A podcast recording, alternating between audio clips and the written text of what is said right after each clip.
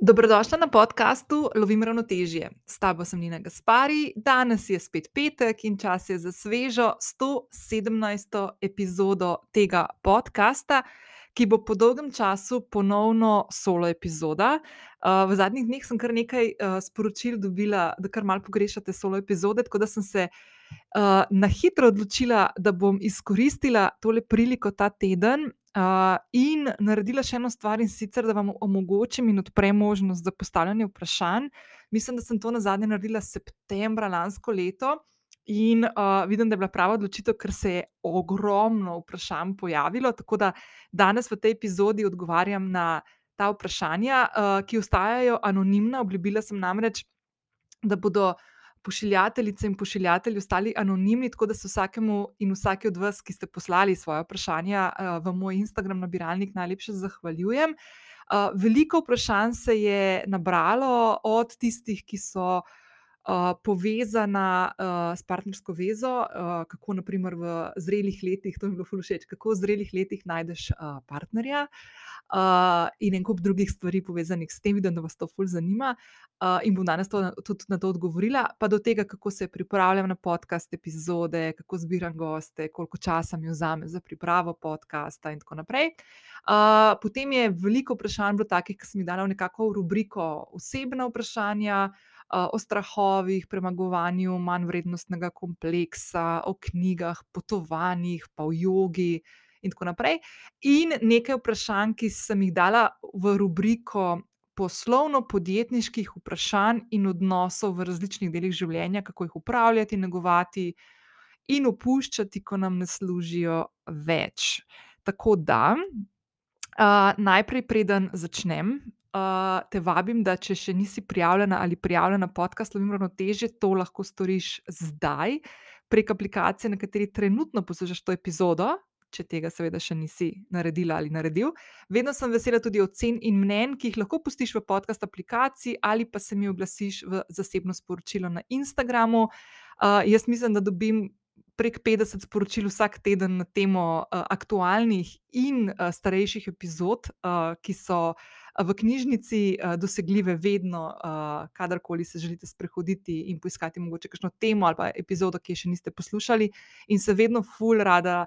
Zapletem v pogovore z vami, tako da uh, vabim, da če še nisi poslala mi ali poslal kakšnega feedbacka ali pa vprašanja, mogoče kakšnega komentarja, lahko tudi kakšno konstruktivno kritiko, vedno vabljeni, da mi pošljete to na Instagram, ker se vam tam najhitreje lahko tudi odzovem nazaj. Zakaj vedno ponavljam in vabim, da se prijavite, date oceno in mnenje na aplikaciji, na kateri poslušate podkaste, ne samo podcasta Lovim ravnotežje, ampak tudi ostalih podcastov, ustvarjalcev, ki jih spremljate in radi poslušate. S tem namreč pomagate nam, ki ustvarjamo podcast vsebine, da za naše vsebine zve več ljudi. In običajno potem do teh vsebin pridajo ljudje, ki iščejo podobne vsebine, kot so všeč tudi vam. Uh, tako da s tem gradimo skupnost, to je edini način, in sem fulv vesela uh, za, vsako, za vsak čivk ali pa za vsako objavico, tudi kaj objavite na svojih družabnih omrežjih, da, uh, da poslušate podcast Lovim ravnotežje. Z veseljem to tudi delim naprej na moja omrežja in uh, sklenemo nek tak lep krok podpore. Uh, in tudi tokrat uh, lahko najdeš spodaj zapis epizode, uh, kjer te čakajo še tiste povezave, ki jih bom danes omenila v epizodi. Ne vem, koliko jih bo, ne vem, kako dolg bo ta zapis, zato ker sem se odločila, da bom danes uh, spet snimala tako zelo uh, go with the flow. Iz srca nisem se posebej pripravljala na uh, odgovore na vprašanja, sem si jih samo pretipkala uh, in uh, se že malo smejem, ker je par takih vprašanj, ki mi bo kar malo kravžljalo uh, misli. Uh, Um, ok, uh, gremo kar vprašanja. Začela bom uh, s temo, ki sem jo dala, uh, z vprašanji, ki sem jih dala pod rubriko bolj taka osebna vprašanja. Potem bom nadaljevala z vprašanji, ki so se dotikali podcasta in ustvarjanja podcasta.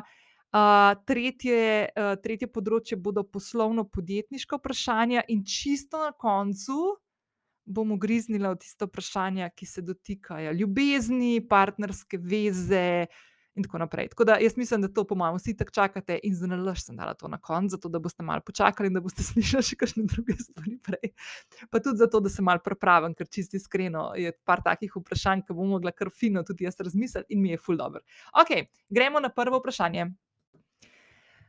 Um, okay. Česa te je bilo v življenju najbolj strah, dokler nisi tega doživela ali pa storila to stvar?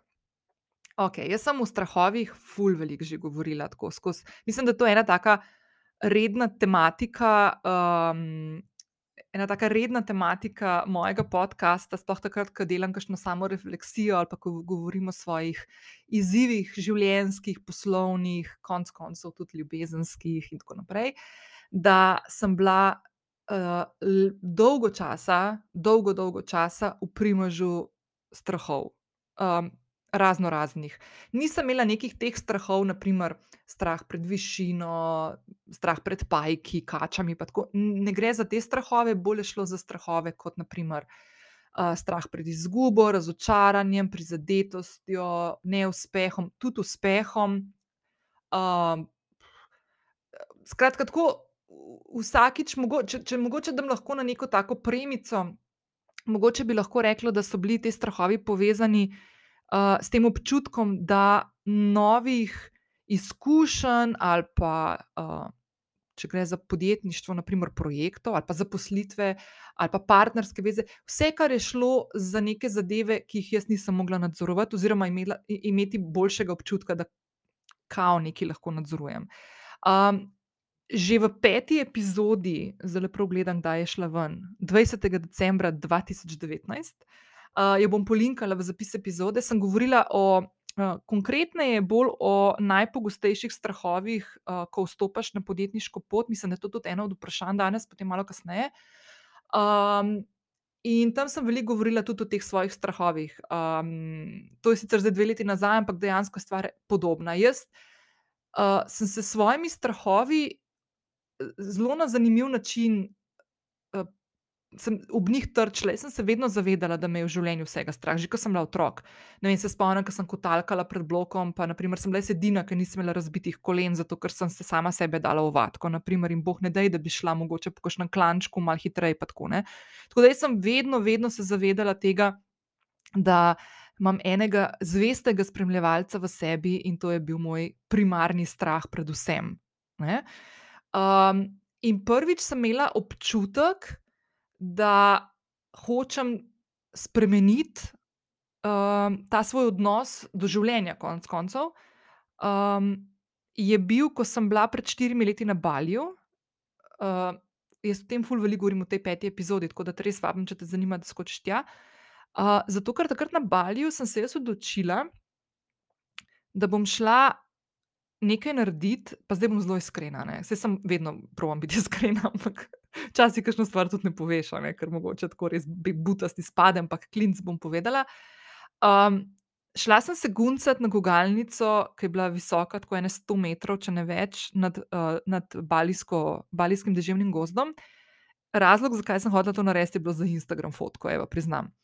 Um, ampak kaj pa nisem vedela, da se bo takrat zgodil, je to, da sem tam, ko sem stala in opazovala ljudi, ki so šli pred mano na tisto gugalnico um, je meni moj notranji glas uh, govoril, da si ti normalna, ali lahko zbežiš. Ja, da ne govorim o tem, da sem mogla podpisati tudi tisto, pač, da na lastno odgovornost grem, da če se mi karkoli zgodi, da sem pač sama kriva. Um, tako da sem tudi razmišljala, ne vem, komu bom zapustila stvari, ki jih imamo. no, v glavnem, glas mi je tako govoril, če sem normalna in da če lahko prosim grem, kako se pa grem. Ne? In moje telo, to se mi je prvič v življenju zgodilo, moje telo, čisto fizično, ni mogla narediti koraka, da bi stopila iz tiste vrste, ko sem čakala, da bom šla na tisto največjo, najvišjo gugalnico. Um, in jaz sem se v tistem trenutku, hočeš nočeš, soočila z vsemi strahovi v življenju, ki so me um, držali nazaj. Tako da tukaj ni šlo za to, da bi jaz konkretno neko stvar naredila. Naprimer, vem, strah me je bilo višine, zato sem šla na gugalnico, ki ima več kot 100 metrov. N ni bilo tako. Um, jaz sem pristaš tega in verjamem globoko v to, da tista stvar, ki te je strah, moraš, jo moraš pogledati v oči, ker to je res tako najbolj, najboljši način, da to zadevo premagaš, je pa tudi ob enem izredno težko. Um, sploh, ko gre za, za kakšne fobije. Um, ampak jaz takrat, sred tistega deževnega gozda, ki sem čakala, da bom šla na tisto gugalnico, mimo grede, pol sem še dvakrat, ker mi je bilo čisto hudo. Uh, jaz sem imela takrat občutek, da pred mano stojijo čisto vse spone, vsi strahovi, vse stvari, ki me v življenju zadržujejo nazaj. In imela sem občutek, da če tega ne naredim zdaj, bom celo življenje živela v strahu in ne bom doživljala stvari, ki si jih želim doživeti, pa, pa jih ne, zato ker me je strah. Um, tako da to je bil prelomni trenutek pri meni, in takrat so se stvari začele malo tako sestavljati. No? Um, tako da ja. Ok, naslednje vprašanje. Kako se znebiti feelinga manj vrednosti? Uh, pa bom dala zraven še naslednje vprašanje, kako živeti življenje brez slabe vesti. Se pravi, življenje brez slabe stvari, uh, vesti in izgubiti občutek manj vrednosti. Uf, um, jaz pri sebi sem to začela opažati, ker ja, sem, sem imela tudi jaz, uh, seveda, manj vrednostni kompleks. Mislim, da je to kar tako malo skupno nam. Um, Jaz mislim, da se je to začelo pri meni, spet, jaz se nisem tega lotila tako, da bi rekla, ok, v naslednjih treh mesecih se želim soočiti s to problematiko in jo rešiti. Ne? Ampak te stvari v življenju pridejo tako skozi čas in pol, kar pogledaš nazaj, poskušaš najti neke, neke trenutke, ko si dejansko na teh področjih delal premike. Ne? In jaz sem že večkrat povedala, da sem kakšnih pet let nazaj, uh, ali pa mogoče zdaj že šest. No, uh, sem bila v enem obdobju življenjskem, ki je od mene zahtevalo, da začnem spremenjati svoj način delovanja, razmišljanja, uh, ker so se mi tako na nekih takih rednejših, daljših obdobjih podobne stvari dogajale. Uh, o tem sem veliko govorila, sem da pogledam, mislim, da je 49. epizoda, ki je mimo grede najbolj poslušana epizoda do zdaj. In to je epizoda Mentalno zdravje, ko sem govorila o svoji poti. Um, jaz sem pred petimi, oziroma šestimi, verjetno zdaj že leti, zadnjič imela um, zdravljenje za depresije, uh, za antidepresive. In takrat sem tudi našla potem neko novo pot, ki je bila, ki, kjer je bila prisotna tudi yoga. Začela sem se z jogo ukvarjati, naredila sem izpit za učiteljico joge in tako naprej. Ampak. Kaj hočem povedati? Začela sem se usmerjati vase, začela sem se ukvarjati sama s seboj, začela sem si priznavati, da so določene stvari v mojem življenju, ki me bremenijo in sem jih mogoče prej tako vedela za njih, ampak sem jih dala na stranski tir, zato ker se je dogajalo življenje in so bile druge distrakcije bolj pomembne v navednicah. Um, tako da, kako sem jaz začela delati na teh svojih občutjih, med drugim tudi manj vrednostni kompleks ali pa sindrom usiljivca ali pa ne vem, uh, strahovi pred uspehi, neuspehi uh, in tako naprej. Ne? In seveda tudi življenje brez slabe vesti. Uh, je bilo povezano dejansko s tem, da sem začela pri sebi, hm, sebe postavljati v center, sebe sem začela poslušati.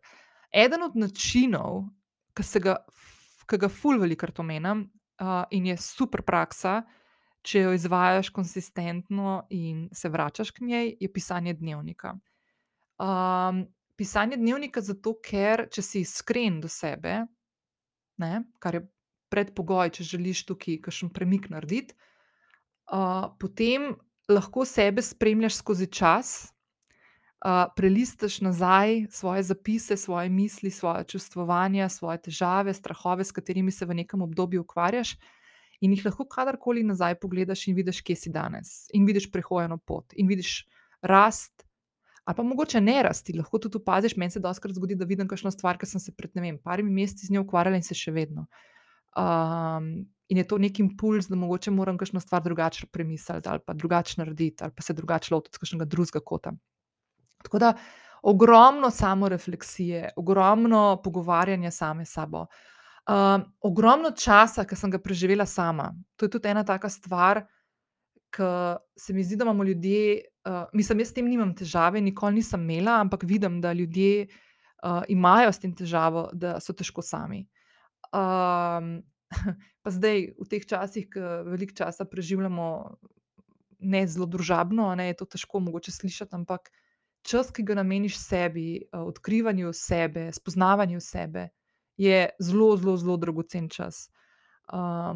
In jaz sem v teh svojih uh, trenutkih, ko sem bila sama s sabo, ko sem se poslušala, ko sem pustila in dovolila in naredila prostor, da pride, um, da pride v ta moj notranji glas, ki ga doskrat tako zatajima, ne, da pride do izraza in da pride na ven. Uh, takrat dejansko sem na papir, naprimer, ko sem pisala dnevnik, takrat dejansko sem delala največje premike. Tako, ko zdaj nazaj pogledam, sploh zadnjih 5-6 let, se mi zdi tako ogromna, ogromna, uh, doda, ogromna vrednost, ki je bila narejena v teh trenutkih. No. In seveda tudi rast no, na različnih področjih. Uh, konc koncev tudi uh, na področju uh, ljubezni, uh, pripravljenosti na partnersko vezo. Uh, pa bom o tem govorila čisto ob koncu, no, ko se bomo dotaknili tega, ampak gre to tako zelo z roko v roki. No. Um, čeprav smo tako zelo kompleksna bitja, no, so določene stvari, ki jih včasih začnemo delati na nekem področju, vplivajo tudi na druge stvari, čeprav se mogoče tega v tistem trenutku ne zavedamo. Naslednje vprašanje sem v bistvu dve vprašanji združila in jih bom skupaj odgovorila. Eno vprašanje je bilo vezano na to, kaj bi svetovala mladi Nini, sprav sama sebi, na začetku svoje poslovne poti, in kaj bi povedala Nini 20-letnici. Malo sem že to odgovorila uh, v prvem vprašanju, ampak um, Nini, mladi podjetnici, pa Nini, 20-letnici, bi povedala verjetno isto. Uh, kot sem prej rekla, so stvari kompleksne, ampak imajo tako skupno osnovo. Po mojem, bi bila prva stvar, ki bi povedala to, da naj bo bolj drzna, da naj si upa in da naj zaupa sama sebi. Tudi, ko se zgodi kakšna uh, odločitev, ki se s časom izkaže za napačno, tudi to je potrebno. Uh, predvsem bi želela, da bi bila bolj drzna, da bi si upala, um, da bi naredila in ugotovila pri sebi nekaj, kar sem ugotovila kasneje, po tisti um, gugalnici na Baliju, da uživam, ko mi je zdaj tako smešno reči na glas. Sploh ne morem reči, da bom to rekla na glas. Da uživam v trenutkih, ko hodim izven cone obdobja. Kar je nekaj, kar sploh. Tež, moji možgani težko sploh dojemajo, da sem to na glas rekla in da dejansko tako mislim ker res sem celo življenje se tako imela v vatki, no, sama sebe. Um, in danes, ko grem na različnih področjih prek tega, prek nekih svojih teh omejitev, strahov, um, občuti, um, ful sebe opazujem In ugotavljam vedno bolj, da mi dejansko take, take stvari sedejo, da mi sede, da grem iz cone obdobja, da mi sede, ko odkrivam sebe v nekih vlogah ali pa v nekih situacijah ali pa v nekih odnosih, ki so mi novi, ki so me še nedolgo nazaj strašili. Um, tako da, ja, drznost, zaupanje samo vase in uh, ne izzivanje sebe v tem smislu, ampak imeti za izziv to, da se postavljaš ven iz nekega obdobja. Pa, ker rečem obdobje, to jaz, jaz ne mislim tako, da ne vem, primer bom dala. Če te zdaj strah višine, da greš zdaj na 200-metrski uh, 200 nebotičnik, stat pa gleda dol. Ne? Ne govorim o tem. Jaz, ko rečem, da stopiš iz cone obdobja, je lahko to za en korak. Sam da je tisto občutek, ko, te, ko imaš mravljince v sebi, uh, in si dovoliš, da, da vidiš, da je varno tudi tam, ko stojiš. Ne? Se ni treba iti, ne vem, šest km noter v neko, v neko zadevo, ne? počasi, z mehkimi koraki. Če delaš full velike korake iz cone obdobja, ki te, te lahko res zablokirajo. Ne? In te pahnejo nazaj v tisto vatko za leta, desetletja. Lahko. Tako da počasi, počasi, z nežnostjo do sebe. Um, okay. Naslednje vprašanje, če sem šla kdaj na prakso intuitivnega branja, to, mm, si predstavljam, kaj to je, ampak nisem sigurna, napoved prihodnosti tri pikce. Uh, nisem. Nisem. Jaz sem že pred časom govorila, pa mislim, da v prejšnji epizodi, ko smo se z Mojco Fatur pogovarjali, v 116. epizodi, uh, ki te ful vabim, če še nisi poslušala ali pa poslušal, res ful je pogovor, sem omenila to, da je. Um, da sem jaz odraščala v okolju, v katerem je bilo zelo veliko skepse do, um, do kakršne koli stvari, ki ni bila ta taka, uh, za si jo razložiti z nekimi oprijemljivimi um, fakti. Uh, naprimer, sem omenila mojega dedka Laurota prejšnji teden, ko sem se pogovarjala z Mojco. In te, to, da, je, da se jaz celo življenje spomnim, kako je moj dedek Lauro vsakič, preden je imel rojstni dan, vedno povedal isto zgodbo nam vnukom, oziroma vnukinjam in vnuku.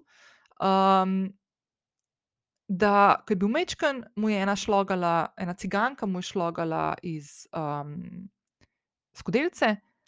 Um, in mu je povedala, da bo imel tri sinove, da bo živel v montažni hiški in da bo umrl, ko bo star 74 let. Zato je vedno govoril to pred um, rojstnim dnevom. In jaz sem iz tega ven razvila, ne, z občutkom, da bom detka izgubila, ko bo 74 let star, in smo se pač temu vsako leto bližali pred njegovim rojstnim dnevom sem iz tega ven razvila en tak, ne vem, tako malo sem zviška gledala na vse stvari. In to, ko rečem, vse stvari, to pomeni vse, um, horoskope, uh, astrologijo, uh, meditacija, vse stvari, ki jih nisem poznala, vse stvari, ki so mi bile tuje. Vse stvari, ki uh, jih v življenju nikoli nisem z njimi soočena, ali pa tudi nisem imela v družini nikogar, ki bi te stvari mogoče malo raziskoval, pa mi mogoče z kakšnega drugega zornega kota to predstavil. Vse te stvari sem dala v isti koš, ne? šloganje, vse, vse je šlo v isti koš. Uh, in sem rabila kar nekaj časa, tudi pol, ko sem se lotila uh, joge, kar nekaj časa, da sem te spone spustila. Uh, da sem ugotovila, da meditacija je koristna in odlična stvar, odlična rutina, ki jo lahko pelješ v svoj vsakdan, ki ima res dobre uh, koristi, tako za fizično telo, mentalno telo, za delo, uh, način dojemanja sebe in tako naprej. Um, uh, in edina stvar, ki sem jo naredila, in to pred manj kot enim letom, mislim, da je bil to marec lansko leto, je, da sem šla k astrologinji. um, še zdaj se smejem, ker mi je čisto neverjetno, da sem to naredila. In sem imela izredno prijetno izkušnjo, uh, sicer prek Skypa, bi si želela tudi enkrat v priliki uživa in verjetno bom. In um, In mi je v bistvu mi je bilo ful, ful, ful zanimivo in ful fajn.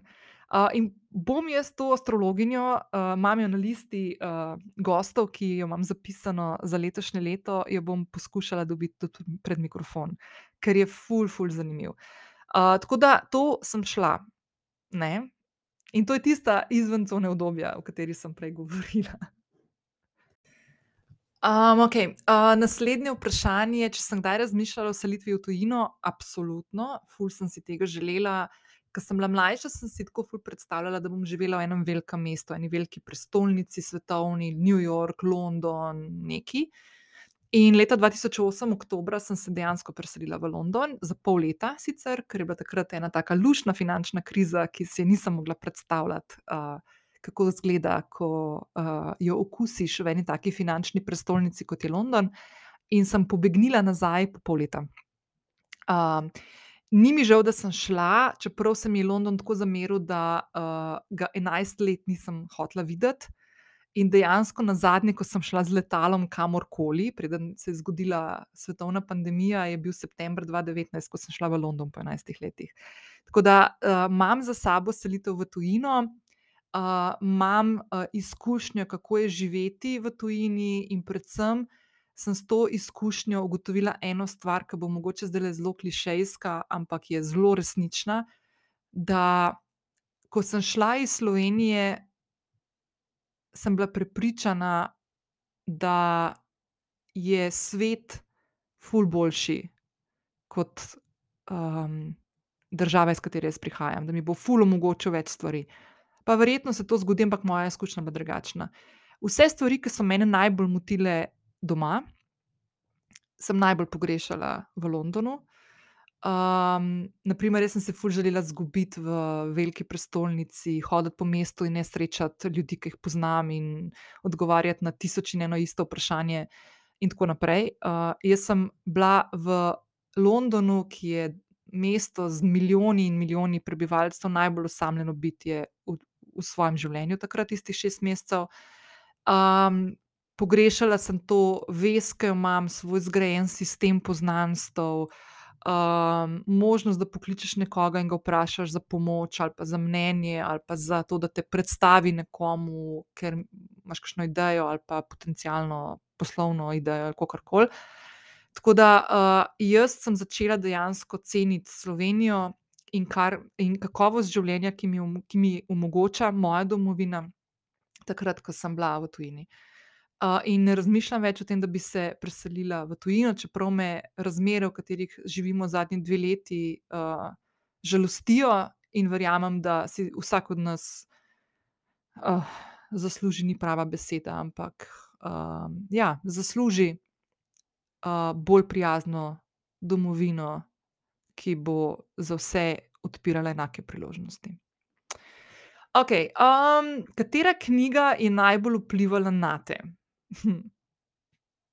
Po mojem je to eno najtežjih vprašanj. Res. Ok, bom tako rekla. Zdaj, v tem trenutku, po mojem, že en mesec, pa več, no, sicer, ker nekako mi ne gre, oziroma, ki padem noter, padem noter, ampak gre počasneje, kot sem mislila. Berem um, knjigo Sapiens od Hararja, ki, sicer, ki sem jo že začela leta nazaj brati v angleščini, ampak zdaj jo berem v slovenščini, mi je super. Um, in mi je tako ful mi je fascinantna, ful mi je dobra knjiga in ful mi odpira določene poglede. Zdaj sem par dni nazaj, naprimer, prebrala en del o tem, kako, um, kako je to, da imamo nasprotujoče si mnenja v družbi, kar zdaj je sploh tak čas, ki je to ful aktualno, bolj kot kadarkoli prej v zgodovini človeštva, po mojem. Um, oziroma, Harari bi zdaj rekel, da je to minorna zadeva, kar se zdaj dogaja v luči celotne zgodovine človeštva. Ampak, ok. Uh, skratka, to, da imamo nasprotujoča si uh, mnenja v družbi, uh, pomeni, da to je edina stvar, ki družbo oziroma neko kulturo drži skupaj, ne? kar je tako malo mind blown, čisto iskreno, ker jaz bi si želela, da bi se malo več strinjali o kakšnih stvarih ključnih, ampak ok. Tako da, ja, ful mi daje za misel. Uh, tako da, naprimer, zdaj v tem trenutku ta Sapiens, definitivno, če še niste prebrali, ful svetujem. Um, me pa malo skrbi, ker bom šla pol naprej na druge dve knjigi od Hararija in vem, da ta, ta, dru, ta tretja, ki jo je zdaj zdaj ta zadnja, meni se zdi, govori tudi o umetni inteligenci in tele, tele me malo strahno, če si iskreno, ampak ok. Um, drugače pa, kje knjige so še take, um, ma kaj pa vem. Kaj pa vem, kje je bila kaj tasga.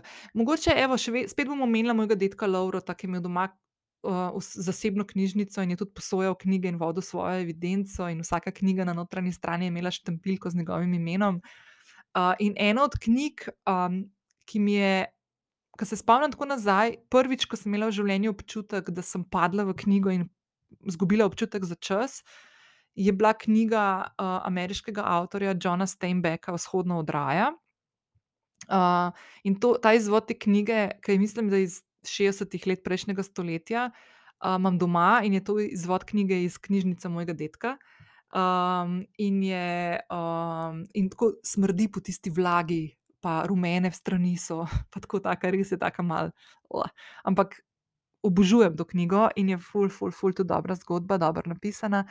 Um, drugače pa, um, ful mi je bila všeč knjiga od Glennon Doyle, uh, Untamed, oziroma Neukročena. To, to vsem ženskam ful svetujem, da preberajo. Tudi malo to, ker ta manj vrednostni kompleks, pa to, kar smo prej se malo pogovarjali. Ja, takrat začne malo mal šiftati v, v, v osi. Um, ta, pa zdaj le sem že kupila uh, in jo ima moj partner, da malo gleda to knjigo, in zdaj mu bom, po mojem, ta teden sunila nazaj. In to je ta zadnja knjiga uh, Brené Brown, uh, Atlas of the Heart. Uh, jo, že, jo že imam, nisem jo še prelistala, sem jo, ampak se jo bom lotila, uh, sam, da, mi, da jo dobim nazaj. Tako da ja. Uh, naslednje vprašanje, spet eno težko vprašanje. Kje se vidiš čez pet ali pa deset let? Najraje bi rekla, da se s tem ne ukvarjam, zato ker hočem živeti uh, s tokom življenja. Ampak bom tako rekla. Um, da si želim, um, živeti življenje tudi čez 5 pa 10 let, ki me bo vsakodnevno motiviralo, inspiriralo, navdihovalo in da bom imela konstantno občutek, da delam v življenju neko smiselno delo, ki osrečuje mene, ker vključuje moj osebni smisel, mojo strast in da lahko s svojim delom doprinesem tudi nekomu, ki ali me posluša, spremlja ali kakorkoli. Kaj to pomeni v razmaku 5 in 10 let, ne vem. Si pa definitivno želim predvsem to, da sem kreativna, radovedna, a, da imam še vedno občutek, da se lahko ogromno stvari naučim, da sem večna učenka in da a, svoje spoznanja in izkušnje, s svojimi spoznanji in izkušnjami lahko tudi mogoče kakšnemu človeku kaj pomagam a, premagati ali pa narediti mogoče kakšen ovinek hitreje. Ostalo pa tako zelo nisem v nekih fazah planiranja, tako, ja. Okej, zdaj pa eno vprašanje, ke bom brutalno iskrena spet. Kako si se spoznala z jogo, od kdaj jo prakticiraš, ali jo redno in katere vrste? pa kakšno dihalno vajo. Okej, dihalno vajo, mogoče bom eno omenila, ke se mi zdi taka ful fajn. jaz sem se z jogo srečala že v najstniških letih in sem takrat rekla, da nikoli več ne bom šla na jogo, ker mi je bila, dolgočasna, nadrla me je že ta ona učiteljica, ker sem pač očitno se nisem, v navednicah, pravilno obnašala. in sem rekla: "Pač tega jaz ne rabim." Pol sem pa ene deset let nazaj spet začela malo odkrivati ta svet, pa mi tudi ni nekaj sedlo, no, čisto iskreno. pol pa, ke sem bila prvič na Baliju, pred šestimi leti, se mi zdi, me je sredi Balija prijelo, da bi šla jaz delat učiteljski tečaj. Sploh ne vem, kako je to možno, ker res me joga ni z ničemer navdušila pred tem. Ampak sem imela tak občutek, da mogoče, ne, ker sem malo začela videti, da obstajajo tudi drugačne joge od tiste, ke sem jo takrat mislila, da je samo ena, ne, en, en način izvajanja teh jogijskih praks oziroma položajev, asan in tako naprej in neke te prakse. sem rekla: "Mogoče bi bilo pa to fajn, da pol sama sebi znam narediti uro joge in si malo pomagati." Takrat sem začela malo tipitovati okrog tega, da se moram malo bolj sama s sabo ukvarjati in najti neke načine umirjanja in tako naprej, no. in, in potem sem šla delat izpit za učiteljico joge in spoznala praktično vse ta glavne vrste jog. Moja najljubša joga je vinjasa. to pomeni, da je malo bolj dinamična joga, kjer se, premikanje telesa dogaja z ritmom dihanja, se pravi, da vsak izdih in vsak vdih, se premakneš telo, da ne zadržuješ nekega položaja dalj časa. ta mi je ful všeč. Pa kasneje sem pol naredila, štiri leta nazaj sem naredila še, izpit za breztežnostno jogo. To je tista joga, ko visiš na trakovih iz iz stropa, ke si na glavo obrnjen lahko. Mi je pa, ta mi je bila pa najbolj všeč, na primer, ta, ta vadba mi je, po mojem ta, ta oblika joge mi je najbolj. zdaj, a jo redno izvajam? Ne. Lahko povem, da odkar sem se preselila v stanovanje, v katerem zdaj živim tri leta, ful imam rada svoj dom, super se tule počutim. vse je the best, samo nekako nimam energije tukaj ta prave za delati jogo, ne vem, zakaj. Nekako me ne prime, in odkar sem v tem stanovanju, sem zelo nedosledna. sem pa točno dva tedna nazaj, če to poslušaš v realnem času, po več kot, ma več kot pol leta, ma skoraj eno let, če ne več, ja, prvič naredila uro pa pol joge. Zato ker, pazite zdaj to, ker sem našla tudi človeka in partnerja, ne, ke prakticira jogo vsak teden. In me je spravil na joga podlogo in sva skupaj jogirala. vadbo, ki jo on izvaja vsak teden redno, dosledno, prek prek Zooma in sem se pridružila zdaj že dvakrat. In sem imela prvo uro, se pravi dva tedna nazaj, totalen reality check, ne dobro, da sem čisto razštelana, zdaj ta drugič je bilo že boljše. in me je že malo bolj prijelo spet ta občutek, kako so naša telesa neverjetna in kako se naše mišice spomnijo določenih gibov in položajev in kako hitro znaš priti iz tistega, da si čisto zakrknjen, do da si blizu tistega, kar si včasih mogoče lahko naredil, no, tako. Tako da evo, iskreno tako. dihalna vaja. Um, okej, ena od stvari, ki mogoče bo vsakmu malo prav prišla. Mm, ko smo živčni, anksiozni, um, tesnobni, um, ko imamo občutek, da nas nekaj bremeni, je ena od dihalnih vaj, ki jo lahko naredimo kadarkoli in je lahko tudi oblika meditacije, da poskušamo s štetjem, sekundnim štetjem, to pomeni, da delamo, ko naredimo vdih, ne, štejemo ena, dva, tri, štiri, ne, do konca vdiha. In na primer, če je naš vdih dolg pet sekund, poskušamo izdih podaljšati na šest sekund, sedem sekund, osem sekund. Se pravi, da je izdih daljši kot, vdih. Kaj to pomeni? To pomeni, da počasneje spuščamo, zrak iz pljuč kot pri vdihu. In s takim načinom v bistvu zelo lahko hitro resetiramo, svoj um, svoje misli. osredotočimo se na to štetje, naredimo par krogov in garantiram, da bomo bolj mirni na koncu. Tako da to je ena taka moja najljubša. Ker na primer prakticiram tudi, ke se vozim na primer na primorski avtocesti, ke mi gre blazno na živce, ker so tam najbolj nestrpni vozniki, pa ne vem, kako je to možno, ker smo, ne vem, nobena, noben drug krak avtoceste ni tako nadležen ratal ke primorski. Dostikrat to naredim vmes med vožnjo, ker jaz, jaz znam zelo pizditi, ke se vozim, takrat, ke sem sama. Ful, ampak ja. No, na primer take dihalne vaje takrat delam, da sama sebe malo umirim, ke se mi zdi takole, ne morete to tako spraviti ob živce. Ampak ja. Naslednje vprašanje se dotika prehrane in HPV-ja. In sicer, kaj izločiti iz prehrane, če imaš HPV. Verjetno se to vprašanje nanaša na to, da sem že parkrat omenila, da sem v svoji,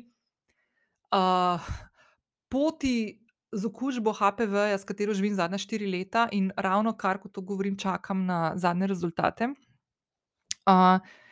vse živo probala, med drugim sem šla tudi, k prehranski terapevtki, ki je ki je naredila, prehransko kuro mi. in bom tudi Mojco, ravno danes sem ji pisala, sporočilo, jo bom v kratkem gostila na podkastu, bom še sporočila, kdaj. predvsem prva stvar, ki je, in kar je bilo meni pri Mojci ful všeč, je to, da ničesar iz hrane oziroma prehrane nisem izločila, ampak sem dodajala.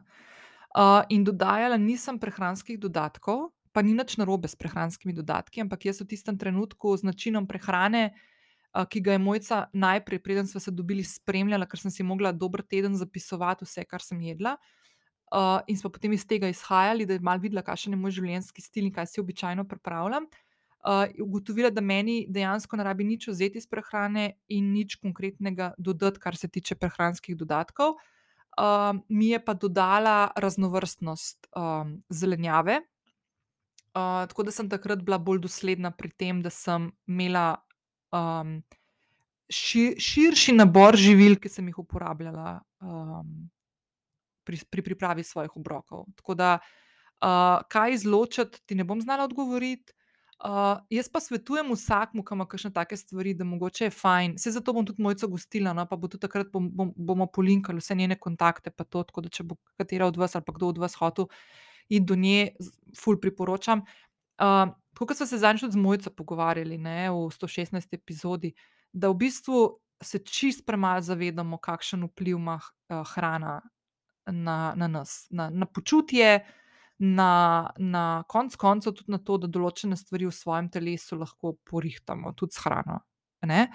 pa jaz zdaj nočem tukaj džingile džangile govoriti, tako da se razumemo, da jaz nisem strokovnjakinja za te stvari, grem pa k strokovnjakom, zato da mi svetujejo in povejo in pokažejo tudi kakšne raziskave, o katerih na primer kakšna znanstvena, ne znanstvena, zdravniška stroka pri nas na primer, ti ne bo povedala, ne, na primer to, da sem jaz ugotovila, da obstajajo raziskave, ke so stare dvajset in več let, iz tujine, kjer so opazovali ženske, ke so imele HPV, kako so se njihova telesa in virus odzivali, tudi s prehrano, ne. in na podlagi teh raziskav je meni Mojca tudi pripravila potem ta, jedilnik, tako da, tako da ja. Ampak bo Mojca o tem več govorila kmalu. A naslednje vprašanje je ful težko vprašanje. Kako opuščaš ljudi iz življenja, predvsem prijatelji in prijatelje in kako to skomuniciraš? Um,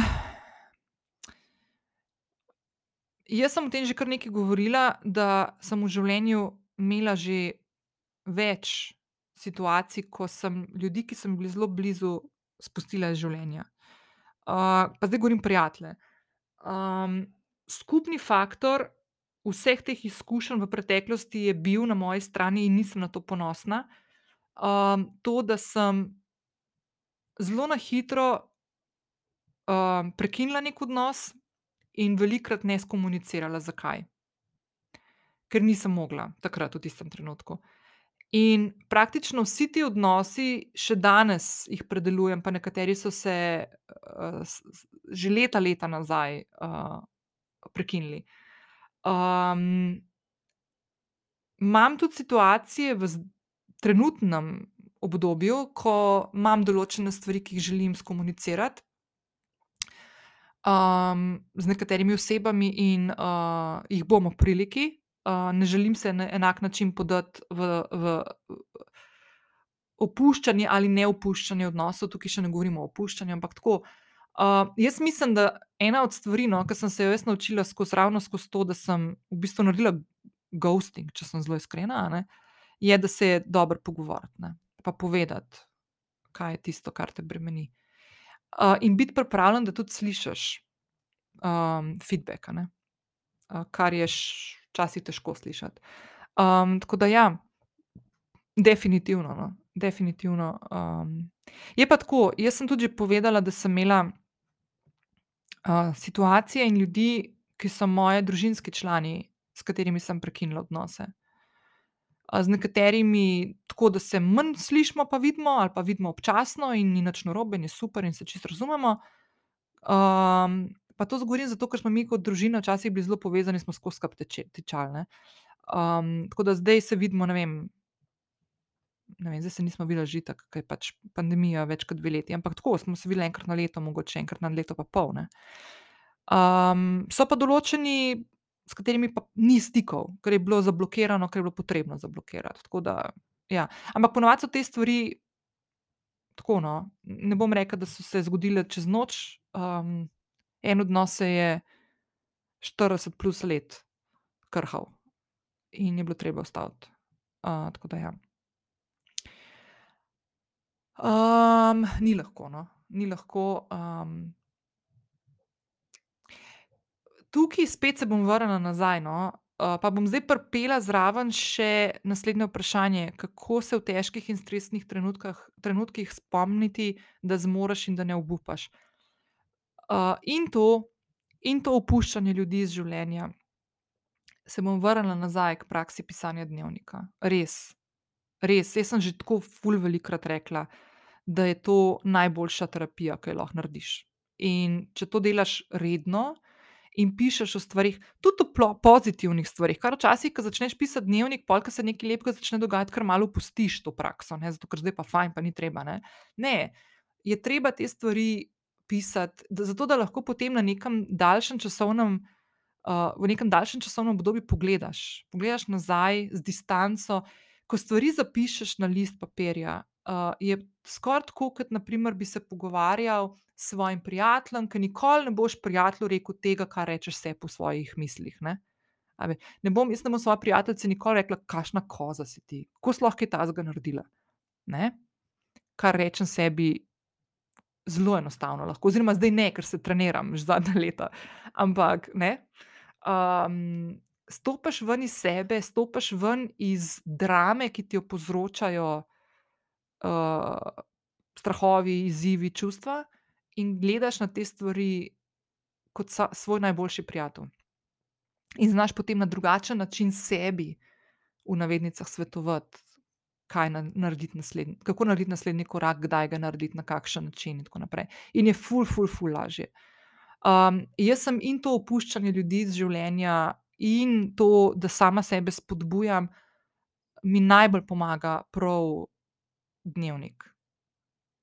In seveda druge stvari, ne, da imam v življenju ljudi okrog sebe, ki so moj podporni sistem, uh, da imam partnerja, ki razume, da imam prijateljice, pa prijatelje, ki razumejo in me spodbujajo, in en drugemu stojimo ob strani. In tako, ne. tako da je dru več drugih stvari. Ampak recimo, ena od stvari, na katero lahko vplivaš, in ni odvisno od tega, ima prijateljica čas dvigniti telefon, ko jo potrebuješ, je lahko pisanje dnevnika. Zdaj pa ful dobro vprašanje. Ne, saj so tudi druga ful dobra, ampak tale me je pa kar tako malo, ke sem rekla, da sem nazadnje tako res malo potovala z letalom septembra dva devetnajst, ko sem šla v London. No.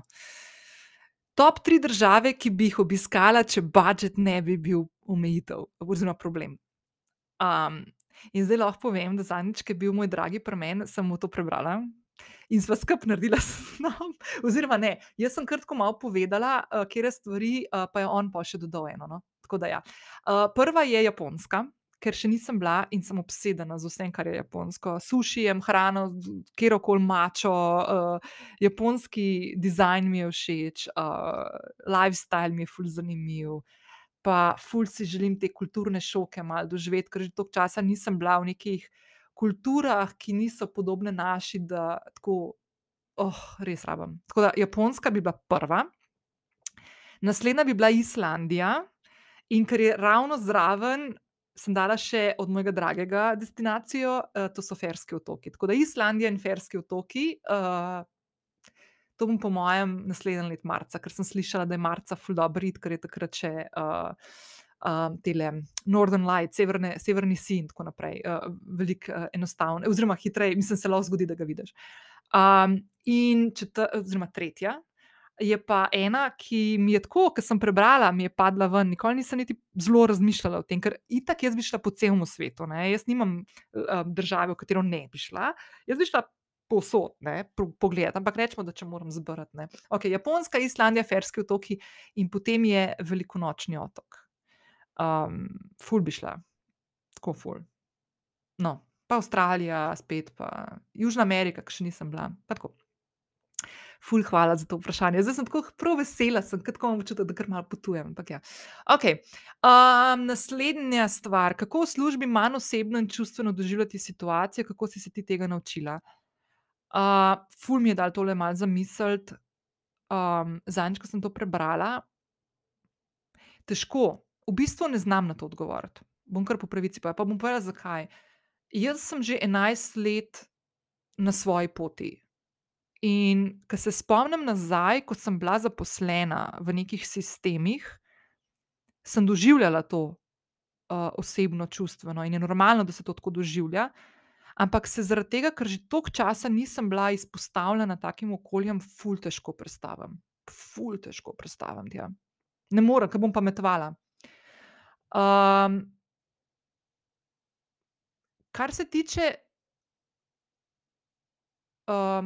meni to tudi to mi ni všeč, ne, da manj čustveno doživljamo, ne. Kaj to pomeni? Ljudje smo itak čustveni, ne, sploh, sploh meni gre malo to na živce tudi pri naši družbi, ke sploh ženske tako dostikrat postavimo, ke na primer nekaj reagiramo, in pol pol tako tisto: kako si čustvena." Vsi smo čustveni, in je normalno in ne moreš čustev tajiti, ne. Gre za to, kako se odzoveš, ne, ker dve stvari sta tukaj pomembni. Ena stvar je, kako se ti odzoveš, da vidijo drugi, in druga je, kako ti to doživljaš znotraj sebe, ne.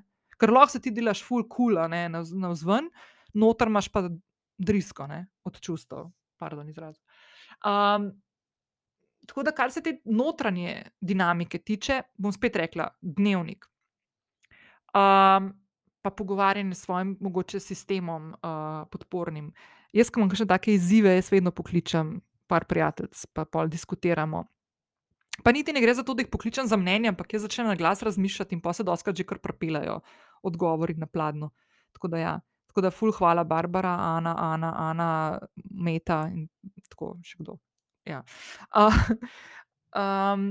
predvsem pa, ne vem, res, res ne upam si nobene stvari reči, ker je toliko daleč, da težko, ful težko. Bom jaz, bom jaz malo razmislila te stvari pa mogoče ob priliki, kakšnega gosta ali pa gostjo, povabila, ke bo, s tega čisto tako, organizacijskega, kadrovskega, vidika znal to malo bolj povedati. ker se ne upam na to odgovoriti, ker res ful težko se postavim nazaj v neko tako okolje. Se pa spomnim in me kar začne tako malo živci se dvigovati, ker se spomnim kakšnih stvari, ki sem jih tudi jaz doživljala. Tako da ful razumem in, in, in štekam, razumem vprašanje, ampak ne morem. Ok, pa je pa še eno vprašanje, ki mi je super, pa tudi ne vem, kako bom odgovorila. Kako bi spremenila šolski sistem? Um, ok, zdaj tako, ne? jaz nimam otrok. In tega šolskega sistema nisem spremljala zadnjih vem, 20 let, odkar sem jaz zaključila šolanje, formalno, oziroma malo manj, no, 16. Um, In je tako malo težko, ker ne vem čisto dobro, kaj se dogaja zdaj v šolah. Ampak definitivno, glede na, tem, glede na to, kaj slišim od kolegic in kolegov, ki imajo otroke ali pa so pred kratkim zaključili šolanje in tako naprej, vidim, da določene stvari so zelo podobne uh, še vedno tistim, ki sem jih jaz imela pred desetletji. Ne? Kaj bi si ful želela? Jaz bi si ful želela, da bi se v šolski sistem vključilo več kritičnega razmišljanja za otroke um, da bi se jim s tem tudi dovoljevalo, da mislijo svojo glavo, da bi se jim s tem odpiral uh, prostor za razvijanje samozavesti, da bi se s tem razvijal prostor, da znajo na spodoben, uh, prijazen, spoštljiv način skomunicirati svoje mnenje, tudi če gre za mnenje, ki je drugačno od večine. Um, definitivno bi dala v program um, spodobno in odgovorno uporabo družabnih omrežij in interneta nasploh, ki bi pokrivala oba pola. Eno je, kako sprejemaš informacije, ki jih dobiš na internetu in družabnih omrežjih, in kako jih daješ gor. Se pravi, odgovarjaš, lajkaš, komentiraš in tako naprej. Zato, da bi začela razvijati družbo, ki se zna pogovarjati, in da bi začela razvijati družbo, ki bi znala na kritičen način poiskati vire, ki so uh, legitimni, um, dokazani znanstveno, in tako naprej. Da bi se naučili, kakšna je razlika med mnenjem in dejstvom, to, kar imamo težave, sploh zadnji dve leti. Um, Pa ful bi si želela, da bi se otroci učili še dve stvari. Ena zadeva je podjetniški način razmišljanja, oziroma razmišljanje o tem, kako lahko razvijam nek svoj, no, neko svojo strast. Um, in nisem omejen samo na to, da grem v neko službo, ampak da je lahko tukaj nešteto možnosti, prek katerih lahko svojo strast uh, realiziram. Um, dala bi v šolski program, uh, uh, ta bo zdaj. Pa v bistvu se mi zdi to korektno. Dala bi v šolski program tudi več tega, da si ponosen, da si iz Slovenije, ker imamo to, preveč je sram tega in to meni ni všeč. To prihaja malo iz tistega vprašanja, tudi, ker sem povedala, da sem bila v tujini. Pač se mi zdi, da smo lahko tudi ponosni, a ne malo bolj na te stvari. Da se nimamo za tako neke mehke, pa manj vrednostne. Ne? Oziroma, manj vrednostne, če gledamo na zahod, in več vredne, če gledamo na vzhod. Ker, ja. um, tako, no, ja, pa to definitivno. Um, finančno opismenjevanje, odnos do denarja. To bi tudi dala noter, že kar zgodaj da se učimo o teh stvarih, da denar ni nič slabega, zato da ne bomo pa skakali vsakeč, ko bomo slišali, da ima nekdo plača visoko in rekli, da je tajkuna, kar ni nujno. Ali pa obratno, na koncu koncev tudi zato, da se vsi naučimo, kako denar funkcionira, kakšna je njegova vloga, kako prav razviti zdrav odnos do denarja, zato da bomo živeli v, z občutkom izobilja, ne z občutkom nenehnega strahu in uh, um, ja, to. Pa dobro, sem kar zadovoljna. No? Okay. Ampak, ful, dobro vprašanje, da best, da best. Ok, vidim, da bo ta epizoda kar dolga, ker smo ravno kar zaključili eh, s prvim delom vprašanj in grem na drugega podcast. Ok, najprej vprašanje, kakšen je tvoj pogled na poslušanje podkastov med sprehodom ali športom, in ali ne bi bilo bolje, da se med sprehodom osredotočimo na sebe in dojemanje okolice oziroma narave? Tako zdaj, tale, uh, tale uh, pošiljatelj ali pošiljateljica, mislim, da je bil moški, nisem sigurna, uh, je že kar malo odgovoril ne, z drugim vprašanjem. Ampak bom jaz tako povedala. Uh, to so prejšnji teden z Mojco govorili, ne, uh, z Mojco Fatur, ko je povedala, da ona uh, gre v naravo brez uh, česar koli, njen partner Klemen Slakonija je pa tisti, ki gre, pa, pa klicari, pa posluša podcaste. Pa tako, um, ker, ma, ker je ona takrat rekla, da ima občutek, da, mora, da ima takrat čas te stvari narediti. Ok, to je ključno. Naprimer, jaz si ful želim, da bi šla v naravo in sem to že tudi parkrat naredila, ko mi je to sedlo. Da sem šla v naravo in sem poslušala ptičke, in nisem imela ničesar v ušesih. In mi je bilo super. Uh, ko pa imam občutek, da je pravi moment, da poslušam kakšno vsebino, ki jo drugače, ne vem, bom, ko bom kuhala, pa je ne bom dobro slišala, naprimer, potem pa ne vidim nobenega razloga, zakaj bi bilo to slabo. Tako da jaz bom tako rekla: naredi tisto, kar ti paše. Ni pravilnega odgovora tukaj. Uh, jaz imam, na primer, čistko večinoma, večinoma, ko grem na sprehod, če grem sama, ne, uh, poslušam podkaste. Um, sem in tja, ko mi sede, pa ugasne dan telefon v, v, v žep in, in sem s svojimi mislimi in opazujem okolico. Tako da, ja. Moji najljubši podcasti. Um, fuf, bom zdaj kar odprla podcast knjižnico, pa jih bom malo naštela, kjer imam tiste, ki so na njih prijavljena. Okay, bom, bom rekla najprej za slovenske, prav, ker se mi zdi to tako fulkorektno, da najprej uh, izpostavim uh, tiste ki, uh, uh, ki jih rada poslušam in, so, in jih ustvarjajo moji kolegi in kolegice. Uh, najprej bom povedala enega, ki sem ga včeraj odkrila uh, in to je podcast uh, N1, to je nov medij slovenski.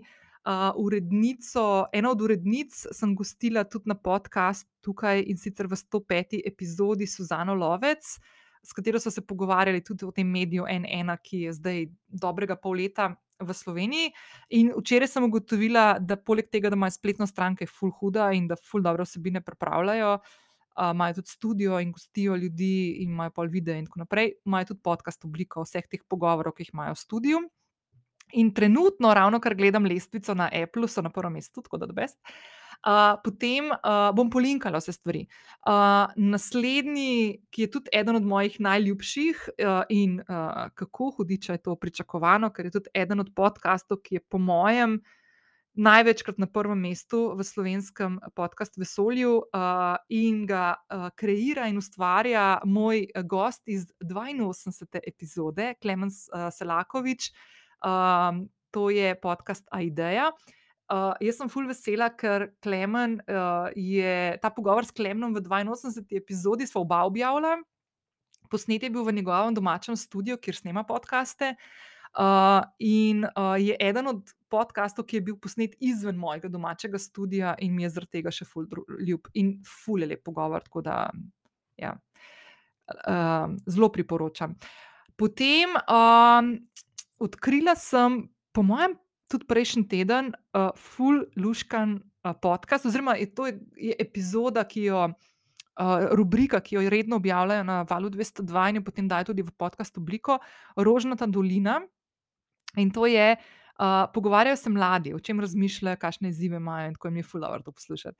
Um, potem, ok, uh, Klara in Bed podcast, uh, tudi jaz sem bila zelo gostja prejšnji teden, uh, bom polinkala, tako da uh, mi je ful prijetno. Uh, potem, pf, pa se jih je še ful, ne. Uh, ful jih je, koga ne še čakaj, da jaz malo pogledam. Ma ja, v glavnem, ful jih je teh podcastov. Bom še kakšnega napisala noter v, v zapis epizode, oziroma čakam še tle le pogledala med moje tele, ki jih imam shranjene šove. Uh, aha, uh, Sašo Pap ima tudi lušen uh, podcast, uh, sem tudi jaz imela čast gostovati. Um, kaj je še kaj tasga? Na svoji strani Aida, Rotar Urankar, uh, Metina lista je mi je ful všeč. To zdaj vse slovenske naštevam. Um, Potem, pa so pa te, ki jih mogoče niti ne štejem kot podcaste, ki jih delajo na radiju Val 202, Toplovod z Miho, Miho, Miho Šaleharjem, pa Neboloze, pa Nedeljski gost. Te so mi tudi full fajn. No. Um, tako. Okej, pol pa tuji podcasti, ne. Tuji podcasti je pa prvi, uh, Armchair Expert, ki je, uh, ekskluzivno na Spotifyju. Uh, in potem oba podcasta od Brené Brown, ki upam, da jih bo začela spet izdajati, zato ker jih je ustavila zdajle prejšnji teden. Uh, in to sta Unlocking Us in Dare to Lead, ki je bolj podjetniško naravnan. Um, potem mi je všeč, meni so ful všeč ti krimiči, pa to, tako da ne vem. Um, American Scandal mi je ful dober. Ali pa tako, ke se hočem malo sprostiti, pa pasti ven iz tega resnega, uh, življenja, ne, pa hočem kakšne gossipe, grem poslušat Even the Rich, uh, ke tako pač je ful smešen. Uh, ke imajo tako epizode, na primer, ne, so imeli o Paris Hilton, o njenem življenju, ali pa ne vem, Kim Kardashian pa tako. Pa ima malo te tako malo za, uh, za vmes. Drugače pa, um, kaj je še to sem zadnjič poslušala? Diary of a CEO, um, Steven Bartlett. To je en angleški, um, poslovnež, ke sem ga na Tiktoku odkrila. In je zadnjič sem poslušala pogovor z, um, uh, enim od ustanoviteljev aplikacije Calm, meditacijske aplikacije, ki jo tudi jaz uporabljam, in to je Michael Acton Smith. In mi je bilo ful zanimivo, no, tako ful ima luštne pogovore pa tako fajn. Uh, mi je Tim Ferriss mi je tudi ful všeč, to so zdaj te klasike, um. Pa Adam Grant, uh, Work life mi je ful fajn. Huberman Lab sem ga že parkrat omenila, uh, vodi en gospod, uh, ki je dela na Stanfordu in raziskuje delovanje možganov. In mi je ful fascinanten, sicer ima res tudi ful dolge epizode, tako da the best. Um, okej, ne morem verjeti, kako sem to skoraj pozabila. Vsak dan poslušam, uh, The Daily, to je podcast, uh, ki ga izdaja New York Times, um, in vsak dan odpirajo neko temo aktualno, na primer zdajle, ke pogledam, um, zadnja epizoda včeraj, ke sem jo poslušala na sprehodu, na primer, uh, je, uh, Ali so demokrati krivi, da je inflacija še slabša, mislim, da, da, da imamo še slabše razmere z, z inflacijo kot sicer. Uh, tako da na primer to je, uh, ful dobro. Pa na primer dva dni nazaj so imeli ful dobro temo, uh, The joy and challenges of sex after seventy, se pravi, kako izgleda spolnost, uh, v zrelih letih. Take stvari, tako ful mi je zanimivo take vsebine poslušati, no. Tako da mogoče, evo, tole bi izpostavila. Um, te bi izpostavila, pa da pogledam, če še kakšnega takega, ke ga vidim takole. Um, ma ja, dajmo te izpostaviti, no, saj po moje sem jih kar nekaj. Ja. Uh, tako, na naslednje vprašanje: "Na kakšen način izbiraš goste in gostje za podcast?" zelo po navdihu, ful. Uh, zelo po navdihu, uh, na začetku leta sem si napisala listo, wish listo, ki jo zdajle obkljukavam, in se ful veselim in upam, da bo šlo čim več od teh gostov skozi. Um, ful imam enih načrtov letos tudi za podcast in, uh, ful komaj čakam, da se kakšna stvar tako že pripelje naprej, da vam lahko razkrijem. Um, ampak čisto tako, veliko stvari delam tudi po navdihu, na primer, da sem v neki situaciji, ke imam kakšno tudi sama kakšno stvar, s katero se ukvarjam, in potem razmišljam, koga bi mogoče lahko poklicala pa skupaj malo prediskutirala te stvari. Um, zelo rada imam kakšne take, uh, pogovore s kakšnimi ljudmi, ki jih poznam, pa se že dolgo nisem pogovarjala z njimi, na primer, uh, ena od teh je Mojca Fatur, ke je bila prejšnji teden gostja, ke je moja sošolka s faksa in je, um, in je nisva se praktično pogovarjali več kot deset minut, odkar sva od drugega letnika gimnazije. Um, potem, um, tako da, ja, rada povabim tudi kakšne svoje prijatelje, ne vem, Mojca Marš Žuve je bila že parkrat gostja, mislim, da trikrat. Pa, uh, moja sestra. V bistvu razmišljam, oči, če to poslušaš, razmišljam, da bi tudi tako moje starše kdaj povabila pred mikrofon, tako, ne vem, bom videla. Zdaj imam, zdaj imam tudi opremo za snemati končno, uh, v živo ljudi, tako da komaj čakam, da se malo sprostijo stvari in da, um, da bom lahko, uh, tudi takole ena na ena snemala podcaste. Zadnjič mi je ena punca ful prijazno napisala, da se ful slabo včasih sliši kakšnega gosta na drugi strani, ful se zavedam tega. Uh, zelo je težko upravljati, uh, ker se vsak prijavlja z drugimi, z drugimi opremami, um, in je v prostorih, ki so takšni in drugačni, in odmeva ali pa ne odmeva, in je ful, ful, ful težko. Plus, da jaz nisem glih najbolj večji uh, strokovnjak za, za pač te uh, editing, pa to. Ampak tudi na tem delam in eden od razlogov, ki se ga res ful želim, mislim, od stvari, ena od stvari, ki se jo res ful želim, je to, no, da čim prej začnemo snemati v živo. Jaz sem zdaj ful taka, da mal pač. sem previdna s stiki, no, glede na to, kakšna je situacija trenutno še vedno v državi s pandemijo, tako da delam stvari nadaljavo. Uh, sem pa pripravljena, ko bo le možno, da skočim ven iz svoje domače pisarne, vzamem s sabo mikrofone, snemalnik in šibam uh, v svet. Um, koliko časa tedensko ti vzame snemanje podcasta? Čisto odvisno. Uh, naprimer, danes, po mojem, zelo vidim, da bo tole dve uri. Uh, pripravljala sem se okay, spisala sem stvari, tok, da imam tle pred sabo, da ne gledam po telefonu, pa ne iščem vprašanj, pa da ne bom še ga spustila.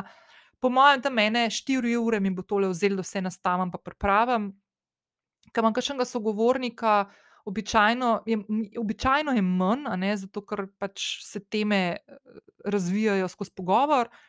Uh, gre za to, da pač nekaj stočnice pripravim, uh, ali pa tudi ne, včasih, ki še en gost tega noče. Naprimer, Klemen se spomnim, bil kar malo jezen, ker sem mu poslala iz stočnice. um, ampak ja, tako. Uh, in pa da pripravim vse, pač se pravi, da pripravim opis epizode, zapis epizode, da pripravim vse vsebine, pol, ki jih razpršim po družabnih omrežjih, vsak petek zjutraj, e-mail in tako naprej. Tako da, ja, kar vzame nekaj časa, ampak moram reči, da je to ena od stvari, ki jo ful z veseljem delam. In glede na to, kako se lotevam teh stvari za prihodnje, kakšne načrte imam, bo časa, ki ga bom namenila v podcast, bo, bo, bom, bom več časa namenila podcastu, da jim tako rečem. Ne bom več povedala, kaj to. Okay, naslednja tematika je bolj ta poslovno-podjetniška, pogremo pa na ljubezenske zadeve. Um, prvo vprašanje na temo uh, poslovnega oziroma podjetniškega svetovanja oziroma te teme je kako pridobiti prve prave stranke, ki bodo z veseljem prihajale k tebi na storitev, le take in promocije niso bile uspešne. Mislim, da je zdaj fully odvisno od tega, kaj delaš, ne? pa kje se zadržujejo ljudje, ki bi jih utegnila zanimati tvoja storitev ali pa izdelek. Um, tle je v bistvu v tem, vprašanj, v tem vprašanju več stvari. Ne? Tudi to, da bo nekdo z veseljem prihajal k tebi, pomeni, da moraš nek odnos razviti. Ne? Se pravi, da moraš biti konsistenten, strokoven, um, od sebe da tisto, kar človek išče, in še malo več zraven. Ne? Se pravi, da je tudi nek servis v redu, uh, um, in tako naprej. um, jaz ne bi zanemarjala družabnih omrežij uh, oglaševanja prek družabnih omrežij, uh, vsebine, ki se je pripravila. Ok, prva stvar, stop. Prva stvar, nastop na družabnih omrežjih, na svojih kanalih. Ne? Se pravi, da si konsistenten pri tem, kar delaš, da daješ od sebe vsebino, ki ima neko dodano vrednost za tiste ljudi, ki te spremljajo, tudi če teh ljudi deset, ni treba jih imeti tisoče.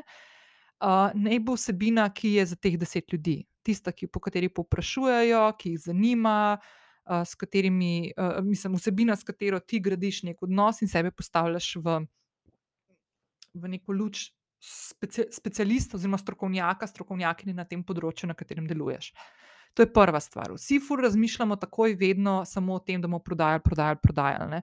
Ful stvari je treba narediti, zato da, da se ta prodaja zgodi, in veliko stvari je takih, ki od tebe zahtevajo najprej, da postaviš nek temelj. Uh, Um, tako da to je prva stvar. Druga stvar je, da razmišljaš, kako pride do svojih strank, tudi drugače, ne samo prek družabnih omrežij. Naprimer, ena od stvari, jaz lahko zdaj tukaj povem, naprimer, kaj jaz počnem. Um, okay, ena je zadeva, so družabna omrežja, ki sem zdaj le malih zanemarila in bom obljubila, spoh Instagram bom malo bolj pojačala, pa še druge kanale, ki bom zdaj začela malo bolj furati. Um, ampak niso družabna omrežja vse. To lahko hitro pade, lahko ti neko dosune račun, lahko ti ga ukinejo kako koli.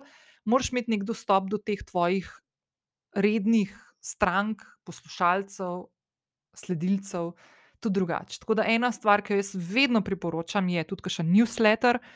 Uh, pa to ne, da sam pošiljaš pol neke ne vem, ponudbe, pa to tudi ne, ampak pač tudi neko vsebino, ki jo pripravljaš ekskluzivno samo za te ljudi. Naprimer, kakšne freebije, kakšen PDF-ček, kakšne take stvari, po katerih ponavadi poprašujejo, ali pa veš, da bojo prišle prav tem ljudem, ki so naročeni na tvoje novičke. Ne.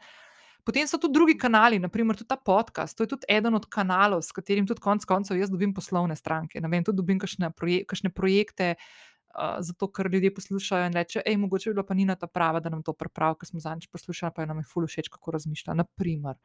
Tako da en kup enih stvari je in je ful odvisno od tega, kaj delaš, kje se nahaja tvoja publika, kakšne kanale uporablja tvoja publika, zato da pol te kanale znaš tudi uporabljati uh, za svojo promocijo. Malo sem se odrezala, ker sem kihala. Ampak, ja. um, tako da, ja, jaz bi tako začela. Pa mogoče ne bi, ne bi zanemarjala tudi tega, da se mogoče malo medijsko probaš izpostaviti, kakšen medij pokličeš lokalni, lahko in tako naprej. Tako da, ja. Najpomembnejši na svet za vse, ki začenjajo poslovno pot. Bom dala istega, kot sem ga dala na začetku. Drznite si, bodite samozavestni, upajte si, izvencovne obdobja. Pa tako. Pa vse stvari, ki se vam dogajajo, vsi strahovi, vsa omejitvena prepričanja, sindromi usiljivca, občutek manj vrednosti, to so stvari, ki jih imamo praktično vsi v sebi. Tako da ne bom rekla, da niste zaradi tega nič posebni ali pa posebne, ampak je, to so kar take normalne stvari, da se dogajajo. Tako da definitivno. Uh, jaz bi tukaj res povabila no, na peto epizodo, ki sem govorila o teh strahovih. Pa tako, pa kako začeti. Pa mislim, da sem, čak, moram, pogled, moram pa pogledati. Mislim, da sem ne dolg nazaj. Aha, mislim, da je to tale epizoda bila. Aha, 109. epizoda se mi je zdela, da sem tole pred kratkim delala. Ja. 109. epizoda, ki bom polinkala, decembra sem jo posnela, zapravo dva, dva meseca nazaj. No. Uh, ključni izzivi, strahovi in kaj bi danes naredila drugače na svoji podjetniški poti. No? Tako da, evo, sem jih pred kratkim o tem govorila, pa vabim. Naslednje vprašanje. Povej kaj več o YouTube biznisu. Uh, ne vem, ne, ne znam. Uh, ne uporabljam YouTube, oziroma imam kanal, ampak noč ni gor. Uh, bom začela tudi to delati. No? Ne biznis, ampak pač tudi YouTube bom začela uh, dajati vsebine gor. Ampak uh, ne vem, mogoče kdo, ki tukaj posluša, pa zna kaj več odgovoriti, bom tudi jaz vesela, kakšnega inputa, ampak tole ni moje področje in uh, rajš se ne blamiram. Tako da ja. Uh, zadnje vprašanje, pa gremo pa na ljubezenske stvari. Uh, uh, zadnje vprašanje. Katerim slovenskim medijem predstaviti svojo mednarodno organizacijo, ki se bori za enakost po razporeditvi cepiv? Vsem. Ne, ne zafrkavam se, vsem. Pa, zakaj? Zato, ker tema cepiv je zadnji, zadnje leto ena od najbolj aktualnih tem. Um, in mediji, ki želijo, seveda, na svoje vsebine, ki jih pripravljajo, pripeljati čim večje število uh, um, uh, poslušalcev, gledalcev ali pa bralcev uh, bodo verjetno te stvari zelo hitro, mislim, bo, bojo vzeli tako temo. No? Um, sploh zato, ker govori tudi o tem, kar je eden od ključnih izzivov uh, v tej pandemiji, to, da uh, en vel, dobršen del sveta. Um, Sploh še ni uspel priti do cepiva, oziroma do, do tega, da bi lahko precepili večje število svojih državljanov in državljank, zato ker smo v bogatejšem delu držav vse te zaloge uh, vzeli zase. Tako da to je ena taka problematika, ki bo aktualna, absolutno je aktualna zdaj. In definitivno je to ena od stvari, ki bo aktualna tudi za izzive, ki našo družbo, globalno družbo, čakajo tudi v prihodnje. Uh, to, um, glih to berem tega Hararija, Sapiens in sem glih pri teh imperijih. Ne. Dejansko se prvič v človeški zgodovini trenutno odvija, ne zdaj, ne, ampak že zadnja leta, se dela globalni imperij. Se pravi, ugotavljamo, da določenih stvari posamezne države ali uh, skupnosti držav ali skupnosti, kot so Evropska unija, NATO in tako naprej. Ne bodo mogli reševati same, ampak se bo mogli priklopiti vse ostale države. Tudi, uh, naprimer podnebne spremembe uh, in upravljanje izzivov na področju uh, okolja, pandemija in vse prihajajoče pandemije, ki nas verjetno še čakajo, so tudi ena od tem. Ne? Tako da uh, jaz mislim, da ta tematika je zanimiva. Jaz bi to poslala vsem dnevno informativnim medijem, radijske postaje, TV postaje, portali, spletni časopisi. Jaz bi to kar šla lepo. Predstavitev bi naredila, zakaj se zauzemate, ključni izzivi, kaj ste do zdaj naredili, uh, vaše kontakte, kdo je lahko sogovornik od vas, ali pa mogoče, če sodelujete še s kakšnim strokovnjakom na področju vem, epidemiologije, farmacije, whatever. Jaz bi dala to zraven, bi poslala in bi naredila čistko pič. Uh, tukaj smo, delamo to in uh, smo pripravljeni na vprašanja, ki jih imate za nas. Tako da, kar go for it, pa ful dobra tema. Um, okay. Zdaj pa zadnji del, zadnji sklop vprašanj, ki se nanašajo na ljubezen, partnerstvo. Pa vidim, da vas ful ferbec matra, tako da, uh, tako da ful dobro vprašanje sem prišla. Um, Bom kar prebrala, tako kot sem jih dobila, ker sem se fulno smejala. Prvo vprašanje: Si zadovoljna z najdbo primernega moškega za te? um, zelo. Um, nisem ga iskala, pa ko sem ga našla, nisem še vedela, da bo primeren. da, trenutno kaže, da je zelo primeren. Ampak ne, uh, brez afrkancije. Sem zelo zadovoljna. Um, ja, zelo zadovoljna bom, bom v nadaljevanju malo več povedala, ker se še kakšno vprašanje odpre. Uh, naslednje vprašanje. Kako si po letih samskega življenja nekoga spustila k sebi? Um, predvsem ni šlo za to, da bi um, prvič iskala aktivno um, in si postavljala neka pričakovanja, kar ne pomeni, da si nisem želela. Drugič pa to, da um, Kot sem že danes povedala, sem se v zadnjih letih ful veliko sama sabo ukvarjala. In ena od stvari uh, je bilo samo sprejemanje in krepitve nekega samozavedanja in svoje, če rečem, vrednosti, mogoče to ni ta prava beseda, ampak tega, kdo sem uh, in sprejemanja, da sem to, kar sem in da sem s tem zadovoljna.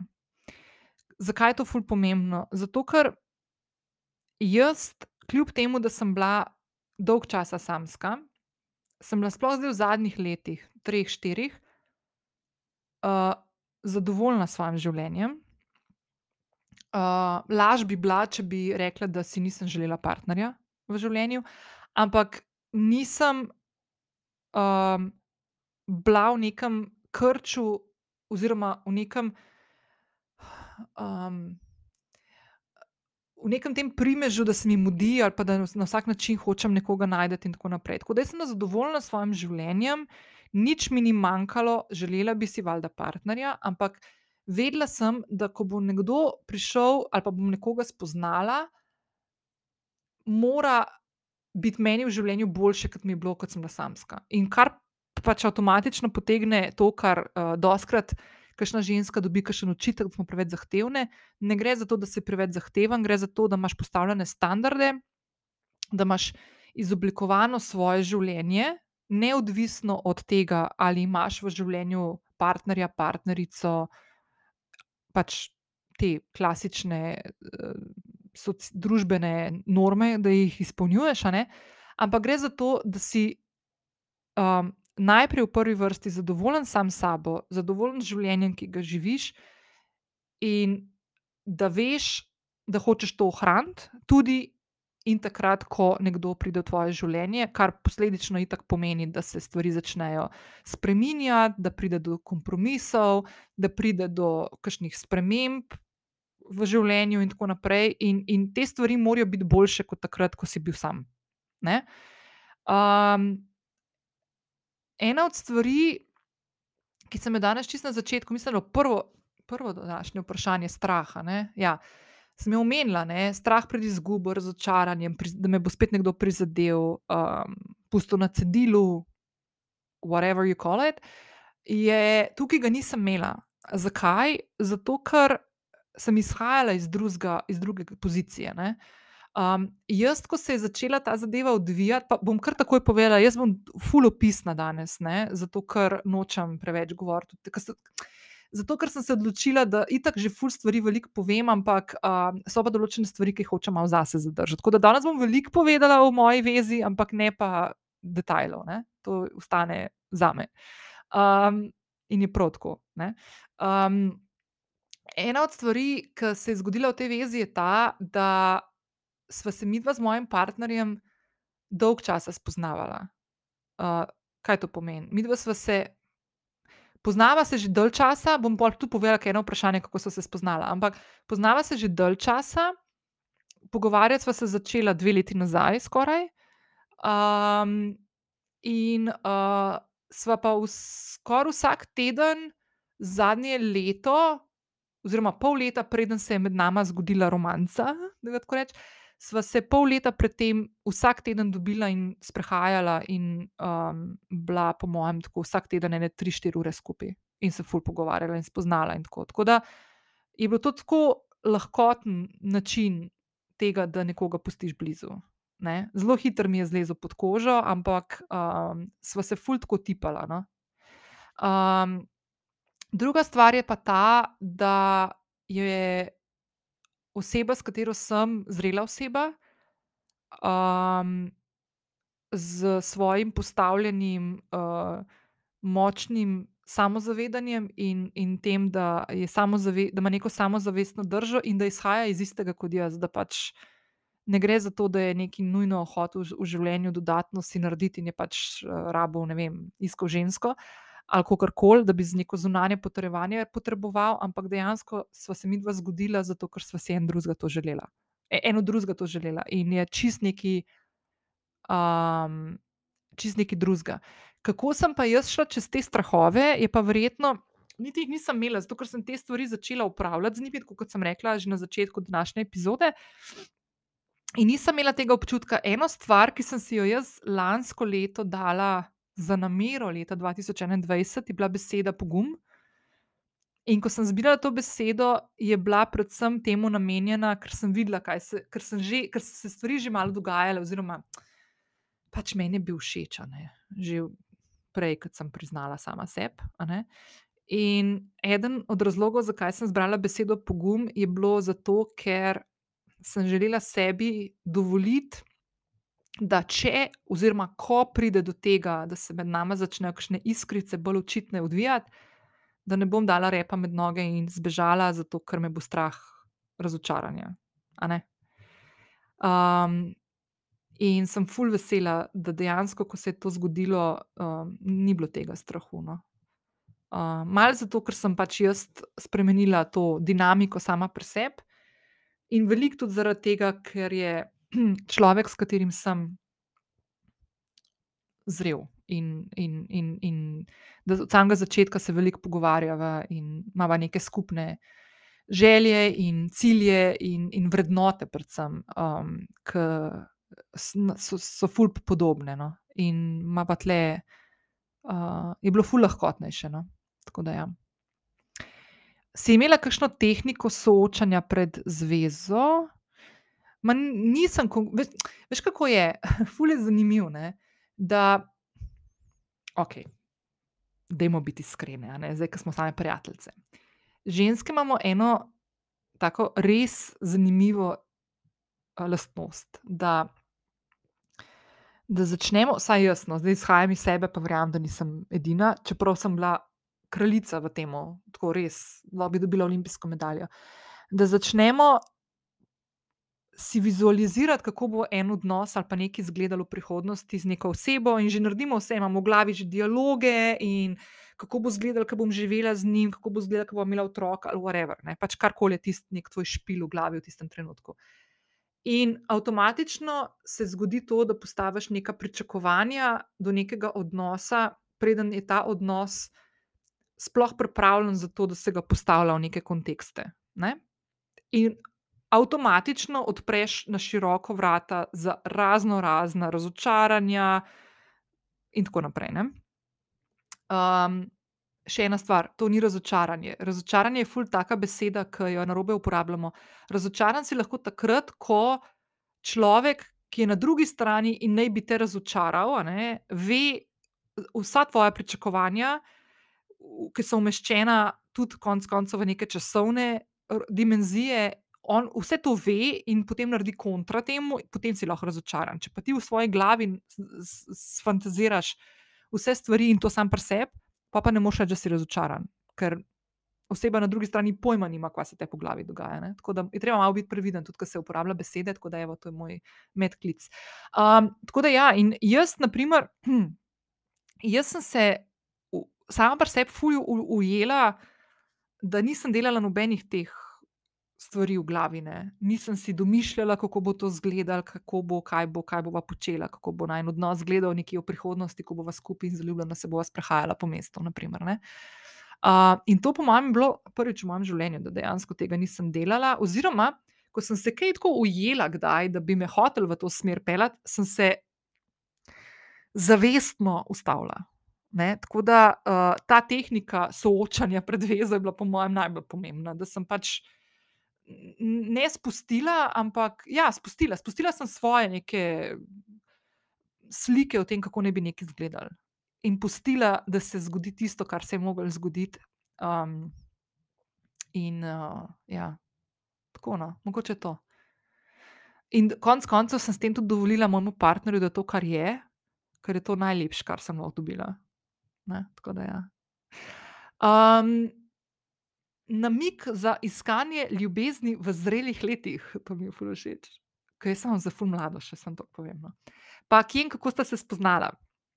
Um, bom, bom združila to dvoje. Prav? Ker namiga, kje iščeš ljubezen v zrelih letih, nimam, zato ker nisem iskala, prva stvar, in druga stvar, zato ker sem povedala, da sem na full časa samska, tako da več kot očitno nisem jaz ta prav naslov za ta vprašanje, ampak bom pa povedala, pa mal namignila, kako se je to meni zgodilo. Zdaj bom pa tako malo iskrena in zdaj se zna zgoditi, ne?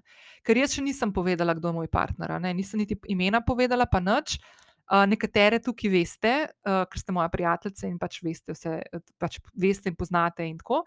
Nekatere ste že pogruntale, um, nekatere ste mi pa mesič poslali, da ste naj jo videli v mestu. Tako da najprej bom povedala, da jaz mojega partnerja ne skrivam, ampak ga malo držim zase. Zakaj? Zato, ker uh, sem začela uživati v eni stvari, ki jo nikoli v življenju nisem počela, in to je, da določene stvari uh, zgubijo čarobnost, če jih preveč na glas govoriš in razdajaš okrog. Tako da jaz mojega partnerja čuvam, dokler ga bom lahko čuvala, da se ne ve javno, kdo je. Sej se ve javno, kdo je, ampak ok. Um, da pač ne bom teh stvari tako govorila. Pa drugič tudi zato, ker konec koncev moj partner ni taka oseba, kot sem jaz, da bi imel svoj podcast in svoje socialna omrežja, prek katerih bi govoril o meni. Tako da se mi zdi korektno, da pustim tudi malo te mistike. Um, bomo povedali, kako so se spoznala. Um, spoznala sva se že kar nekaj časa nazaj na enem sprejemu. Um, na enem sprejemu sva si dala roko, sva bila predstavljena in sva se pofrendala na Facebooku. Uh, to je bilo pa to. Uh, in potem pač smo se spremljala, in tako naprej. Mm, moj partner, drugače tudi, uh, kako naj to povem, da se ne bom razkrila. Dajmo tako reči, no, da jaz njega oddaleč že dolgo časa spremljam, njegovo delo, ustvarjanje in tako. In, uh, um, ne bom rekla, sem, ja, sem fenica njegovih stvari. No, tako da je tako reči. Sem fenica njegovih stvari, ki jih počne v življenju. In um, tako da sem ga na ta način spremljala in bila nekako v stiku z njim. Um, spoznala, spoznala, tako da smo res pol začela se pa tako uh, ena na ena pogovarjati, družiti, pa pol sprehajati in tako. Je bilo pa zato, ker na začetku pandemije, marca 2020, sem jaz dobila v Instagram zasebna sporočila, eno sporočilce od ene moje sledilke, ki mi je napisala, da ker takrat sem neka, eh, za tisti, ki me spremljate, že takrat boste tako za vse vedeli, ampak nima veze. Um, takrat sem jaz, mislim, da drugi teden pandemije, ko sem bila tako čist v kaosu, a ne tako kot vsi mi. Um, in sem se mogla malo iz tega, trikotnika drame, ki se je pri meni v moji notranjosti odvijal, malo premakniti in osredotočiti malo na stvari zunaj, sem se odločila, da bom imela Instagram v živo pogovore z različnimi ljudmi. Takrat smo bili vsi zaprti v svoje domove, vse je bilo ful strah, še nismo vedeli, kaj to pomeni. Rekli so, da bo dva tedna trajalo, pa smo pa ugotovili, da bo to pač večje stranje. Ne? No, in sem takrat imela in gostila par ljudi na, na svojem Instagramu in sem se z njimi pogovarjala. No, in to sporočilo, ki je prišlo, je bilo, da, uh, hej, Nina, jaz pa tebe spremljam in sem omenila mojemu očiju, kaj delaš, in rekel, da bi se bo tudi s tabo pogovarjal. No, in zdaj sem že povedala, da pač tega človeka, sprav očija, od te moje sledilke, um, spremljam že nekaj časa in ga ful spoštujem, in mi je tako ful car. In sem si mislila, o moj bog, ko sem z njim pogovarjala, smo normalni. No, in mi, da so to res malo sprobala speljati, pa imela neke tehnične težave in tako naprej. In sva se zmenila, da bo ta pogovor naredila ena na ena, ko bo konc pandemije, oziroma ko bomo imeli uh, dvignjene uh, lockdown uh, tirnice in da se dobiva na kavi. In res par dni potem, ko smo se odprli, takrat maja, meseca, junija, uh, sem dobila sporočilo, če bi šla na čaj. Tako sva se prvič dobila in spogovarjala, in čistko prijetno in lepo. In pa smo bili tako malo na vezi, pa, pa tam enkrat proti koncu leta 2020, smo se začela pa malo bolj redno dobivati na sprehodih. Ne? In to so pa te sprehodi, ki so pol leta trajali, in sva se vsak teden dobila in ful veselila, cel teden, da se bova videla. In se sprehajala, in pogovarjala, in spoznavala, in tako naprej. Tako da tako sva se spoznala. Uh, eno vprašanje, tle, ki sem ga dobila, kako si zmanifestirala partnerstvo, nisem ga zmanifestirala, oziroma povedala sem, da sem enkrat sredi oktobra 2020 imela en napad joka in uh, drame, ki smo bili spet zaprti.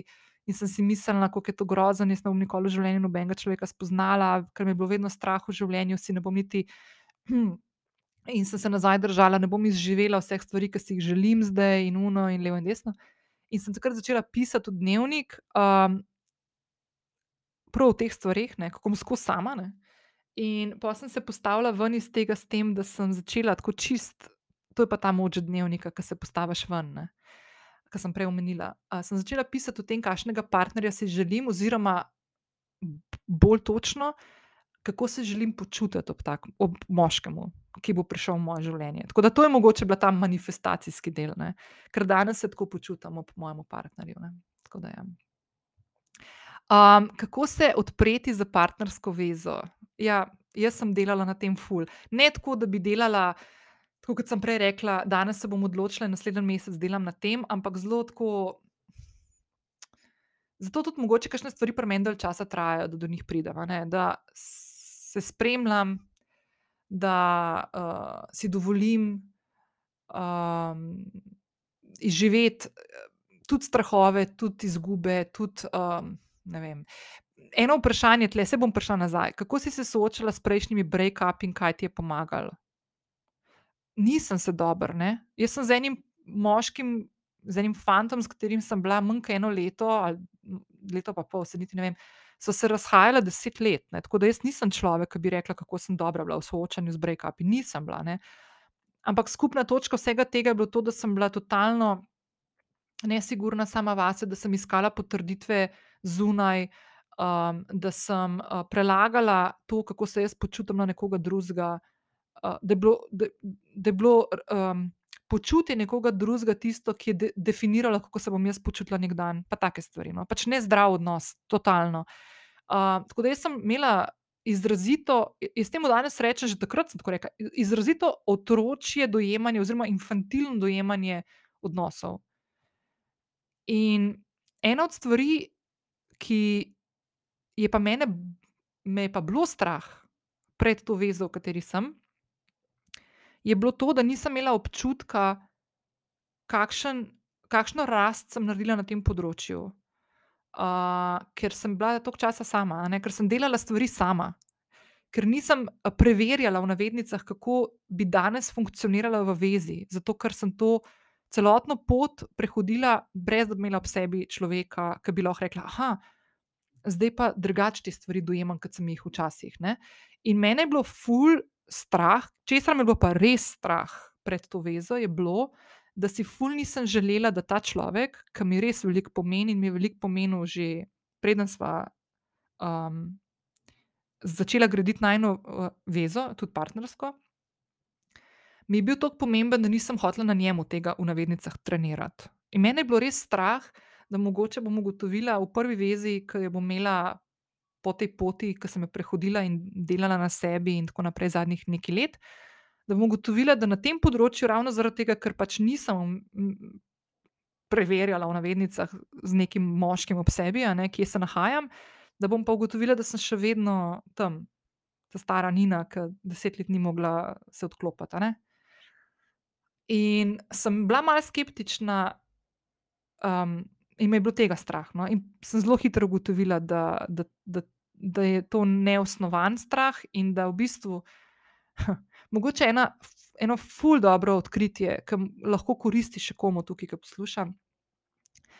Da rast, oziroma razvoj sebe, ki ga delaš, lahko za partnersko vezo delaš tudi, ko si sam. Uh, in to je meni tako bilo v bistvu ful, ful, ful, ful hudo spoznanje. Tako da, če kakšna tukaj, ali pa kakšen tukaj, ki je samski ali pa samska in ima tako občutek, ne, vas ne bo to strah. To, kar delaš sam s sabo, ti ne more nihče vzeti. To je tako neki tazga, kot knjigo, ki jo prebereš, ali pa um, ne vem, se odločiš, da boš naredil nek doda, dodatni del izobraževanja, nihče ti tega ne more vzeti. To ne pomeni, da tega nisi naredil, zato ker nisi imel zraven, ne vem, partnerja ali pa karkoli drugega. Um, ful so pomembna ta spoznanja. No? Tako da, ja. Um, zdaj, kar se tiče tega odpreti za partnersko vezo, jaz sem prej omenila to, da sem začela pred leti uživati v tem, da grem iz cone obdobja. Pa za lansko leto sem si dala namero, da bom pogumna. Tako da to so vse te stvari, ki so na koncu pripeljale do tega, da sem bila jaz ful odprta in pripravljena. Pa da sem bila pogumna in se, sem si upala in drznila in vse te svoje strahove in mogoče zmotna prepričanja, kako bo in kako se lahko to izkaže za whatever, ne, so bila totalno nepomembna, odpadla so. Jaz pa nisem o tem razmišljala. Na tej podlagi, da smo se meste spoznavali. To je bilo ful, tudi ful fajn. Um, Tukaj je bilo še eno vprašanje, eno vprašanje puščam za konec. Sam povem. Kako se soočiš, soočaš s tem, če ima partner težave s, s tvojimi prejšnjimi vezami? Um, mislim, to sem jaz imela v preteklosti, ne, valjda. In pol valjda začneš se prilagajati in božati dušo ranjeno nekoga zunanjega, zato ker ima težave sam in pol hočeš to ti rešiti. Nimam jaz tega, te težave zdaj, sploh daleč od tega, tudi nimam jaz težave z bivšimi vezami od mojega partnerja, ker vsak od nas ima pač neko svojo pot in mi dva smo se v tem trenutku zdaj našla, meni je to pomembno in od tukaj naprej to gradiva. Ne? Ampak um, ne vem, ni. Ne, mislim, zdaj sem lahko pametna, pa rečem, ne dovolj tega. Ne? Ampak to so tok za neko odraslo vezo, ki ima nek potencial, da se razvija v odnos, ki napolni srce in dušo obeh strani, je to stvar, ki ne sod noter. Ne? Če greš ti z odprtim srcem, z odprtimi namerami, iskreno, predano, z ljubeznijo v nek odnos, in na drugi strani isto, so te stvari, kaj se prej dogajalo, totalno irrelevantne. Totalno. Vem pa, da, ima, da imajo ljudje s tem težave, tudi jaz sem imela, ampak to je zaradi težav, ki niso povezane s tvojimi bivšimi ali pa s tabo, ampak so povezane z tistim človekom, ki ima težave sam pri sebi in jih prelaga na nekoga drugega. Pika. Tako. Tako da je vprašanje, ali to hočeš imeti ob sebi ali ne. ne? kaj zdaj meni plava po mojih možgančkih, je to, da jo ni na kosti pametna, kar nekaj na svete daješ partnerske. Kdo misliš, da si? Sam povem, kaj se mi zdaj še v glavi dogaja, ker se mi zdi tako fascinantno, včasih, ko to mal sam sebe opazuješ. Ampak ja. Mogoče lahko danes kakšno stvar več na to temo povem, kot naprimer pred enim letom, ker še nisem imela take izkušnje za sabo. Um, jaz lahko še to povem, no, kar je mogoče, prej grem na zadnje vprašanje ki mi je tako res, ful dobro. Um, da Veza, v kateri sem jaz danes, je veza, ki nikoli nisem mislila, da jo lahko imam. Ker se počutim, prva stvar, ki je, je se počutim v njej varno, sprejeto, spoštovano, razumljeno. lahko sem to, kar sem, z vsemi goofy načini in smehom in vsem, kar zraven pride, se pravi, da sem tudi malo smešna včasih, ampak the best. in predvsem, kar mi je ful všeč, je to, da ne rabim sebi ali pa mojemu partnerju dokazovati ničesar, zato ker ni treba. Ful je lahkotno, ful je lepo. Ena stvar, ki se mi zdi ful dobra in ful pomembna in sem to vedno tako malo vedela pa kdaj slišala pri kom ali pa prebrala, pa jo zdaj doživljam in vidim, da je tako res, res, ne. da je za zvezo ful pomembno, da se znata smejati. Da en drugega znata nasmejati. In jaz po mojem se v življenju nisem toliko smejala kot zdaj v zadnjih, ne vem, teh desetih mesecih. ful se razživa, tako znava, znava ta narediti ta switch vsakič, ke sva skupaj, tako res ful dobro. Pa še ena stvar, ke je tudi zelo pomembna, je ta, da imava zelo podobne vrednote.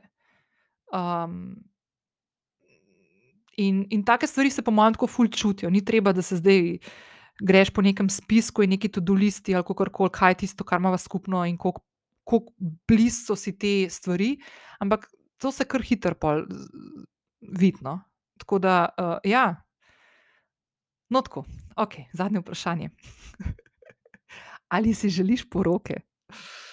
Okej.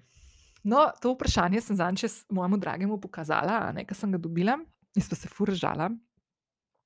zakaj? Zato ker jaz, če sem zelo iskrena, ne, jaz nisem nikoli zelo aktivno razmišljala o tem, o poroki. jaz sem to že večkrat povedala, tudi da otrok nikoli nisem razmišljala o tem, a bi jih imela ali jih ne bi imela ali da bi si ful želela. Jaz sem se zelo predala temu go with the flow v življenju. Jaz nimam izbrane najljubše obleke, kaj, kaj bi imela za poroko oblečeno, kje bi se poročila, kdo bi mi pel na poroki, koliko ljudi bi povabila, koga iz družine bi povabila, koga ne bi povabila. kdo bi bila moja priča. Jaz o teh stvareh nikoli nisem razmišljala. Res ne. pa nič narobe v tem, če razmišljaš, tako, meni je to super, nekatere ženske imajo tako vse narejeno meni je to the best, super, če imaš tako, super, super, super. Jaz tega nimam. je pa tako, ne, da se mi zdi tako nekako tako ke danes, ne, se pravi februar dva dvaindvajset, ne vem, kako bo marca dva dvaindvajset, ampak zdaj v tem trenutku, ke to govorim, bom rekla, da mi poroka ne predstavlja nekaj takega, kar bi absolutno rabila, zato da utrdim zvezo, ki jo imam, oziroma ne vem, da bi s tem korakom pokazala sebi ali pa komu drugemu, da je zveza, v kateri sem, toliko pomembna, da se bova poročila, ne, na primer. tako da če se bova o teh stvareh pogovarjala, se bova zaradi drugih razlogov, recimo temu, ker si bi to ful želela. A prav? A prav, zdaj sem tako začela kar malo pametovati. vem pa, da si pa želim eno drugo stvar, ne, ki mi je bolj pomembna, in to je, da si želim graditi življenje z mojim partnerjem. Da si želim ustvarjati neke dodatne skupne točke najine bližine, ne vem, ustvariti skupen dom, ustvarjati nekaj skupaj za naju, za zato, da se imava fajn naprej. zdaj, a je to poroka zraven ali ne, ne. Bom pa še eno stvar zelo iskrena, da zdaj, ke pomislim na poroko, mi gre na smeh in nimam odklonilnega odnosa do tega. In verjetno, zdaj bomo pa naredili tako lep, zaključ zaključen krog s prvim vprašanjem strahovi in s tem, da greš izven cone udobja. Po mojem bi rekla, ma ne po mojem, dajmo biti brutalni, no, bi rekla ja, če bi dobila vprašanje. Zakaj? Zato, ker sem si obljubila, da si bom dovolila izživeti in doživeti stvari, ki mi jih je bilo vedno strah. In to sem si obljubila takrat dva dvajset, ko sem v Bioka napisala svoj dnevnik,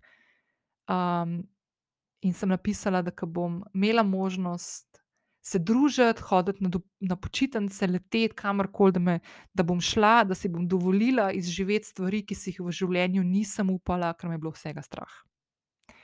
Tako da. A sem odgovorila na vprašanje? No, tako. Okej, to je to. To je to. Bom zdajle, preden zaključim, pogledala, če slučajno še kakšno vprašanje prišlo vmes, ko sem tole govorila, ampak mislim, da ni. da ne bom slučajno kakšnega spustila, pa bo pol kdo jezen. Ampak mislim, da ni prišlo, mislim, da sem čisto vse,